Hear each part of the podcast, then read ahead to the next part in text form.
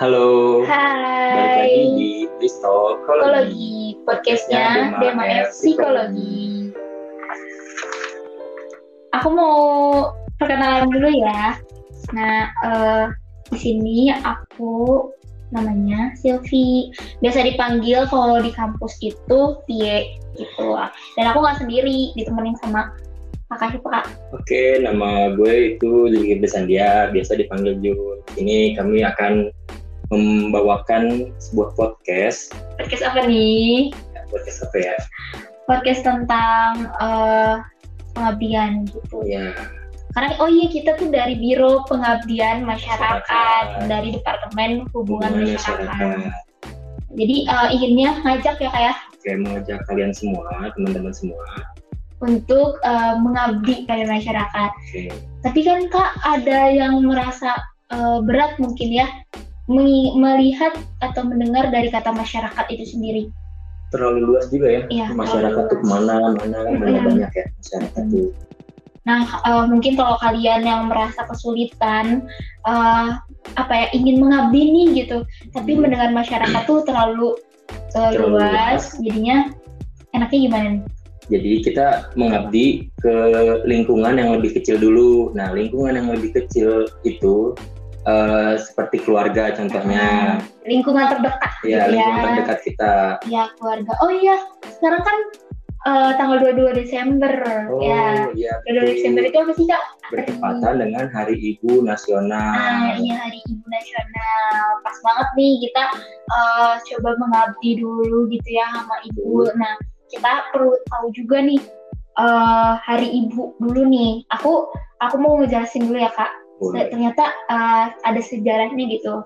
Kenapa sih sampai dicetuskan eh, tanggal 22 itu 22 Desember itu sejarah eh maksudnya Hari Ibu gitu ya, Hari Ibu di Indonesia. Ternyata Hari Ibu ini tuh diperingati ya diperingati sebagai Hari Ibu itu karena bermula jauh dari sebelumnya ternyata eh, udah dicetus itu dari tahun 1928 Wah, udah lama juga ternyata. Mm-mm, pada pelaksanaan Kongres Perempuan Indonesia Indonesia 1. Nah, eh, di sini tuh ada panitianya dong ya, tentunya panitia Kongres Perempuan Indonesia. Satu ini tuh dipimpin oleh R.A. Sukomto yang didampingi oleh dua wakil yaitu Nyi Hajar Dewantara dan Sujatin. Dalam sambutannya, R.A. Sukomto itu mengatakan Zaman sekarang adalah zaman kemajuan. Oleh karena itu, zaman ini sudah waktunya mengangkat derajat kaum perempuan agar kita tidak terpaksa duduk di dapur saja, kecuali harus menjadi nomor satu di dapur. Kita juga harus turut memikirkan pandangan kaum laki-laki sebab sudah menjadi keyakinan kita bahwa laki-laki dan perempuan mesti berjalan bersama-sama dalam kehidupan umum. Lanjut, R.A. Sukonto pun mengatakan, Perempuan tidak lantas menjadi laki-laki. Perempuan tetap perempuan, tetapi derajatnya harus sama dengan laki-laki. Jangan sampai direndahkan seperti zaman dahulu. Kayak gitu. Nah, itu dari paparannya. Eh, nah, dicetusnya itu diresmikannya tanggal 22 Desember ini tuh oleh Presiden Soekarno melalui Dekret Presiden RI nomor 316 tahun 1953. Oh, ternyata lama juga ya eh, pengesahan dari Hari Ibu itu. Mm-mm. Yang eh, awalnya kan 1928 di Kongres dan diresmikannya itu tahun 1953 gitu. Oh ya kak kalau kira-kira nih ada nggak sih kak kalau di eh, apa ya agama Islam gitu ya kalau kita tuh wajib eh, apa ya berbakti gitu. Ada dong. Karena kan kita pasti. ka- kaum muslimin gitu ya Iya. sebagai kaum muslim. Nah, nah kita juga sedang belajar di Universitas Islam. Hmm. Nah, ada baiknya kita juga harus mengetahui dong eh, apa saja sih ya sebagai kita sebagai umat Islam harus harusnya eh, tetap memprioritaskan gitu Mm-mm. orang tua terutama ibu. Iya. Nabi Shallallahu Alaihi Wasallam mengajarkan kita agar mendahulukan ibu ketimbang ayah dalam berbakti. Nah, itu ada sebuah cerita yang di mana ada seorang laki-laki bertanya kepada Rasul. Dia bertanya mengenai siapa yang lebih berhak untuk diperlakukan diperlakukan secara, secara baik. Nah, jawaban dari Rasul itu pertama adalah ibumu, lalu uh, laki-laki itu juga bertanya, siapa? Seterusnya keduanya siapa? Nah, Rasul tetap menjawab ibumu hingga ketiga kali dan yang keempat baru ayahmu. Nah, ya. mengapa sih Islam mengutamakan berbakti kepada ibu daripada ayah? Nah, Abdullah Nasin Ulwan dalam pendidikan sosial anak menyebutkan ada dua sebab. Yang pertama itu ibu lebih banyak memperhatikan anak, mm-hmm. mulai dari hamil, melahirkan, menyusui, mm-hmm. merawat dan mendidik. Nah, itu tertera pada Quran surah 31 ayat 14. Nah, lalu yang kedua, dalam diri ibu penuh dengan ikatan batin, cinta, lembut, sayang, dan selalu memperhatikan. Nah, dalam kehidupan sehari-hari, kita tidak jarang mendengar banyak orang yang terjerumus pada perbuatan maksiat ya. karena meremehkan hak-hak ibu. Hmm. Durhaka kepada ibu adalah awal runtuhnya tatanan sosial kita. Nah, nasihat ibu itu sering diacuhkan. Namun demikian, saking cintanya dan kasih sayang seorang ibu, meski kita menyakiti hatinya, merusak nama baiknya, itu seorang ibu akan mudah melupakan perasaannya ketika kita ditimpa musibah. Karena lebih kayaknya tuh mementingkan anak gitu ya. Oh, ya. anak, jadi udahlah nggak apa-apa atau gimana gitu ya. ya jadi uh, seorang ibu tuh walaupun jadi coreng dijelek-jelekin, ya? dia tetap uh, mudah memaafkan uh, anak-anaknya. Iya. Uh, terus kenapa sih kita itu harus berbakti gitu kepada orang tua? Nah, sebenarnya ada banyak hal dalam Islam sendiri ya untuk um, apa menjawab pertanyaan ini. Kenapa sih kita harus berbakti kepada orang tua kita, nah, terutama ibu kan? Nah, yang pertama itu kunci masuk surga. Nah, Rasulullah Rasulullah Shallallahu Alaihi Wasallam pernah bersabda, orang tua adalah paling pertengahan dari pintu-pintu surga. Jika kamu mau sia-siakanlah pintu itu, maka kamu tidak akan mendapatkan surga atau jagalah ia untuk mendapatkan pintu surga itu. Nah, hadis ini tertera pada hadis riwayat Tirmizi dan Ibnu Majah. Lalu uh, hal yang uh, yang kedua adalah kunci mendapatkan ridho Allah. Dari Abdullah bin Umar, ia pernah berkata, ridho Allah tergantung pada ridho orang tua dan murka Allah tergantung pada murka orang tua itu. Nah, jadi kita tuh uh, untuk mendapatkan ridho Allah, ya kita harus tetap berbakti kepada orang tua kita. Hmm Nah, yang ketiga yaitu melaksanakan perintah Allah. Allah pernah berfirman, dan Tuhanmu telah memerintahkan supaya kamu jangan menyembah selain dia, dan hendaklah kamu berbuat baik kepada ibu bapakmu dengan sebaik-baiknya. Hmm. Nah, itu tertera pada Quran Surat Al-Isra ayat 23. Nah, selanjutnya, yang keempat, amalan yang paling dicintai oleh Allah. Nah, kita dapat melihat pada hadis dari sahabat Abdullah bin Mas'ud Mas'ud radhiyallahu beliau pernah mengatakan, Aku bertanya pada Rasul, amal apakah yang paling dicintai oleh Allah? Nah, beliau menjawab, sholat pada waktunya. Lalu bertanya lagi, kemudian apa lagi? Rasul menjawab, kemudian berbakti kepada orang tua. Lalu bertanya lagi, kemudian apa lagi? Uh, yang ketiga adalah berjihad, berjihad di jalan Allah. Nah, berjihad di jalan Allah ini uh, ibaratnya berbakti kepada orang tua itu lebih tinggi derajatnya hmm. dibanding berjihad di jalan Allah. Hmm. Nah, lalu yang kelima adalah kunci panjang umur dan banyak rezeki.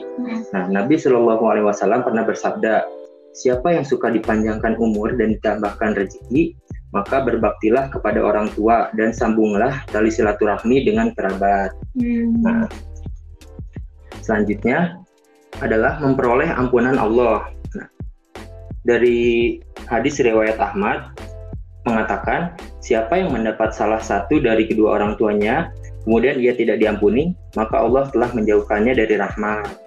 Lalu yang ketujuh ada taat kepada orang tua merupakan bentuk ketaatan kepada Allah Subhanahu wa taala. Nah, taat kepada Allah salah satu bentuknya adalah taat kepada orang tua. Durhaka terhadap Allah salah satu bentuknya adalah durhaka kepada orang tua. Itu tertera pada hadis riwayat Tabrani. Mm Lalu yang kedelapan adalah bentuk taubat kepada Allah. Seorang laki-laki datang terhadap Nabi lalu berkata, Sesungguhnya aku telah melakukan sebuah dosa yang sangat besar. Apakah aku bisa bertaubat? Nah, beliau balik bertanya. Rasul e, bertanya kembali kepadanya, Apakah engkau masih memiliki ibu? Ia menjawab tidak. Nah, Rasul bertanya lagi, Apakah engkau masih memiliki bibi? Yaitu saudari dari ibu? Ia menjawab, ya maka bia, maka beliau bersabda, maka berbaktilah kepadanya. Itu tertera pada hadis riwayat Tirmizi. Oh jadi uh, ada delapan poin ya kalau kita itu uh, perlu berbakti kepada orang tua.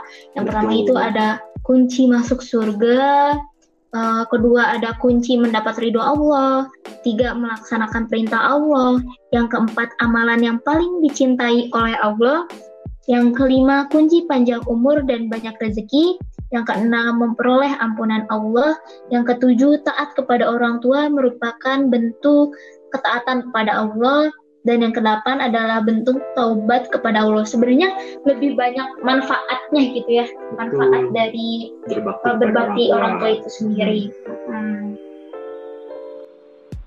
Nah, Kak, aku mau ngejelasin nih karena kan kita di sini uh, di Fakultas Psikologi tentunya aku bakal ngejelasin juga mengenai gangguan mental nih, terutama uh, sering yang ter sering terjadi sama perempuan. Hmm karena mungkin di sini para pendengarnya juga kan uh, ada perempuan ya dan uh, kenapa ngajelasin ini kan kita juga nanti mau jadi ibu, ibu. ya kalau tentunya. ibu tentunya amin nah uh, di sini tuh uh, kalian tahu nggak sih teman-teman ternyata perempuan itu mengalami gangguan jiwa ringan dua kali lebih banyak daripada laki-laki.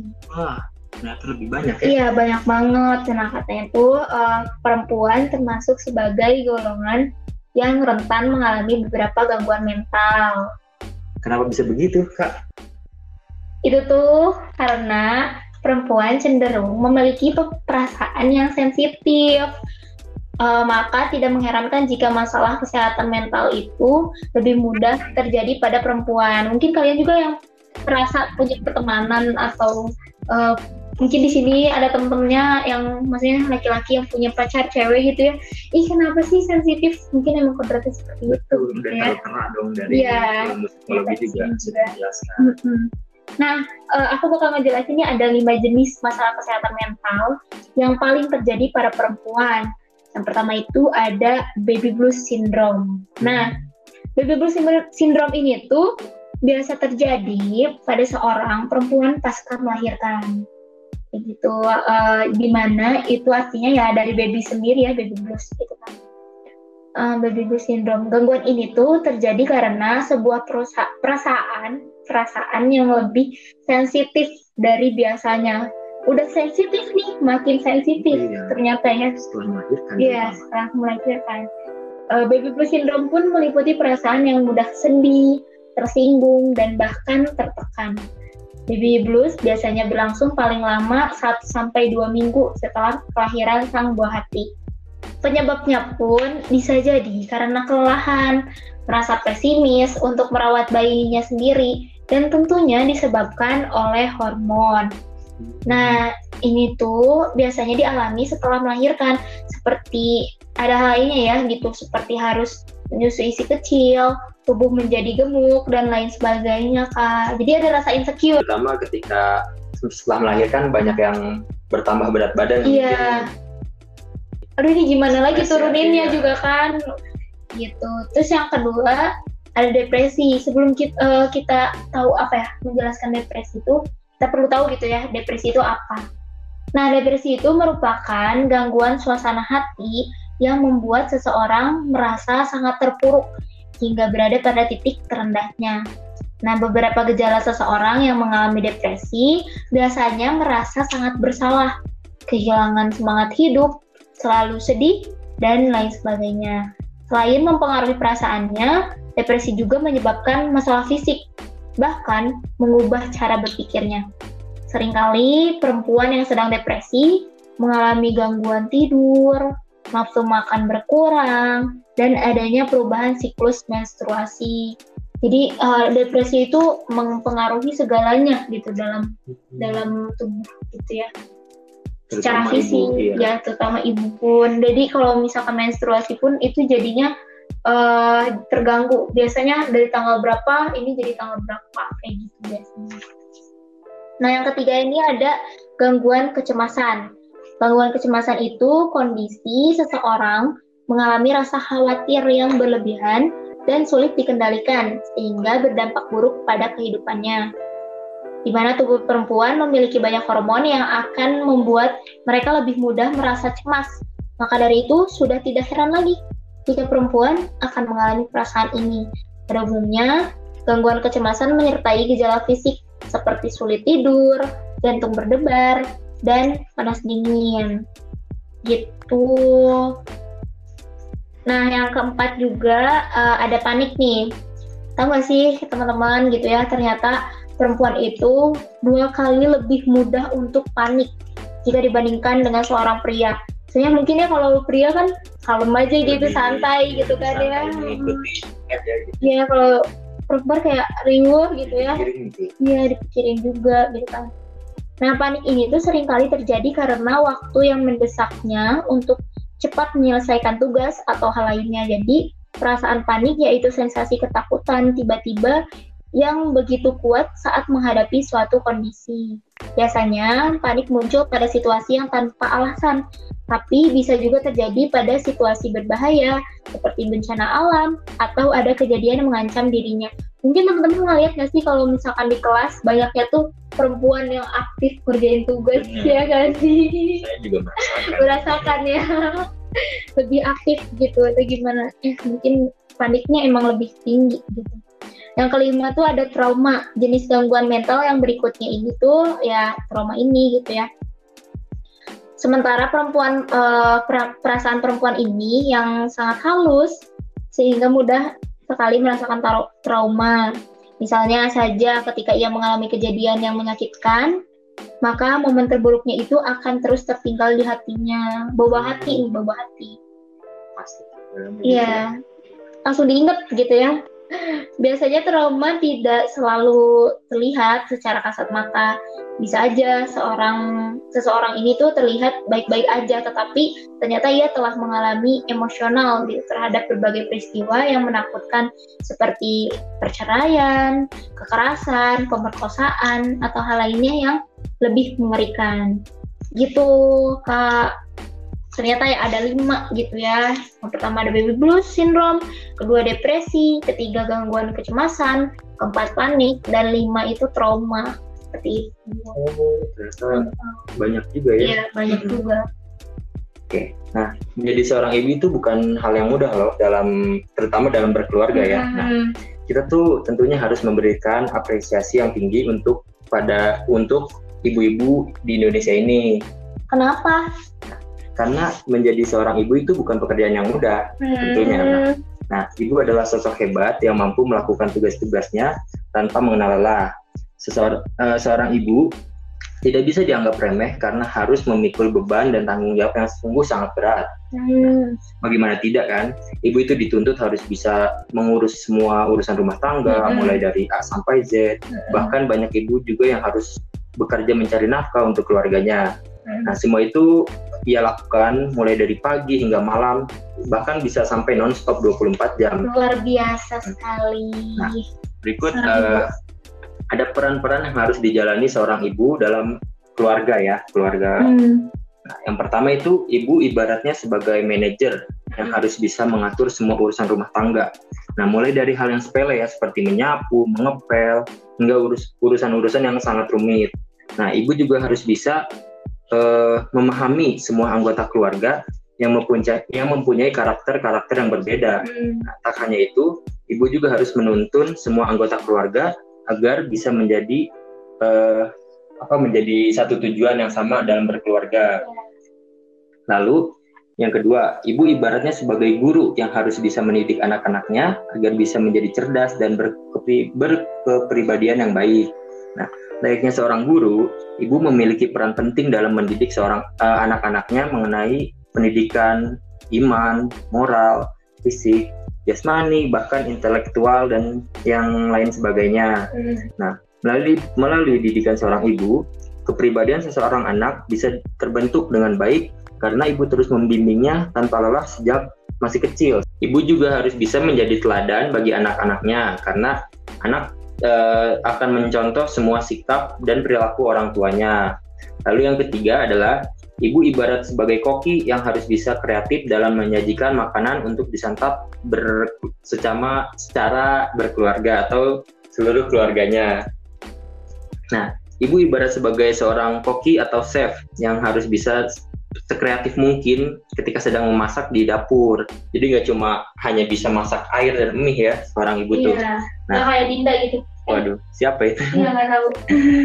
Ibu akan memutar otaknya untuk memasak menu-menu yang enak, lezat, bergizi untuk pada untuk anggota anggotanya, anggota keluarganya. Mulai dari sarapan, makan siang, hingga makan malam. Nah, semua dimasak oleh ibu dengan penuh rasa cinta agar gizi anggota keluarganya selalu terpenuhi. Lalu yang keempat, ibu ibarat sebagai perawat yang harus bisa merawat anak-anaknya sejak mereka masih bayi. Nah, setelah hamil dan melahirkan anaknya, ibu juga harus memandikan, menggantikan popok, memakaikan baju, menyusui, menyiapkan makanan, dan mengerjakan tugas-tugas lainnya. Tak hanya itu, ibu juga harus memberikan perlindungan, perhatian, dan kasih sayang yang tulus pada anak-anaknya. Jadi, jadi si ibu tuh harus selalu membackup semua apa ya keadaan-keadaan yang ada di keluarga tersebut. Nah, lalu yang kelima, ibu ibarat sebagai akuntan yang harus bisa mengelola keuangan keluarga. Nah, jadi seorang ibu itu harus bisa mengelola anggaran agar semua kebutuhan bisa tercukupi Adapun kebutuhan keluarga misalnya seperti nih belanja bulanan, bayar sekolah anak, serta membayar tag tagihan listrik. Nah, bahkan banyak ibu juga yang rela bekerja membanting tulang untuk mencari nafkah bagi keluarganya. Nah, keputusan ini, eh, keputusan berkarir ini biasanya tuh dilatar belakangi oleh banyak hal, seperti suami telah meninggal dan telah bercerai atau single parent lah hmm. istilah. Kalau ini kalau aku uh, rangkum ya, kalau hmm. jadi singkatnya tuh yang pertama tuh ibu jadi manajer gitu ya, iya, manajer tuh di dalam rumah tangga. Terus yang kedua pun uh, jadi guru. Yang ketiga ibu itu jadi koki. Yang keempat ibu jadi perawat. Yang kelima itu ibu jadi seorang akuntan hebat sekali ya, berbagai profesi dalam di rumah gitu ya. Oke. Okay paling bisa gitu kali ya podcast kali ini. Oke. ya sih? Mengenai tentang ibu ini ya. Ya dan ini tuh tentang juga sebagai calon ibu nanti ya. Menjadi pembelajaran bagi wanita-wanita yang nantinya akan menjadi seorang ibu. Mungkin uh, kita ya kita akhiri ya kami akhiri untuk podcast kali ini. Salam psikologi salam sehat psikis Indonesia. Betapa besar pengorbanan yang telah ibu lakukan untukmu. Kamu sering kali mengacukannya, tidak mendengarkan nasihatnya, bahkan terkadang membentak-bentak. Apakah kamu benar-benar sadar apa aja yang telah ibu korbankan untukmu? Sembilan bulan lamanya, ibu mengandungmu di janin kecilnya, membawamu ke mana-mana dengan tubuh kecilnya Terkadang, tanpa disadari kamu bergerak dan menendang-nendang di dalam. Yang membuat ibu terkadang merasa kesakitan. Namun, ibu tahan dan tetap menyayangimu. Bahkan dengan rutin mengelus perutnya sendiri dan mengajakmu ngobrol. Terbayangkah betapa sakitnya saat ibu sedang berada dalam proses melahirkan? Sakitnya tak terkira Bahkan, ibu tahu bahwa dirinya bisa mati hanya karena melahirkanmu ke dunia. Namun ibu sama sekali tidak peduli. Semua pengorbanannya hanya ibu lakukan untuk seorang anak kesayangannya. Meski terkadang tak ia ucapkan dengan kata-kata. Pertanyaannya sekarang, sudahkah kamu menyayangi ibu hari ini? Jika belum, tunjukkanlah rasa cintamu pada ibu. Pahlawan tanpa tanda jasa milikmu satu-satunya, dan yang sebenarnya. Yang selalu kamu acuhkan selama ini. Sebelum semuanya terlambat, dan kamu menyesal, katakanlah kepada ibu. Terima kasih, dan maaf. Kemudian, peluklah dia sejenak.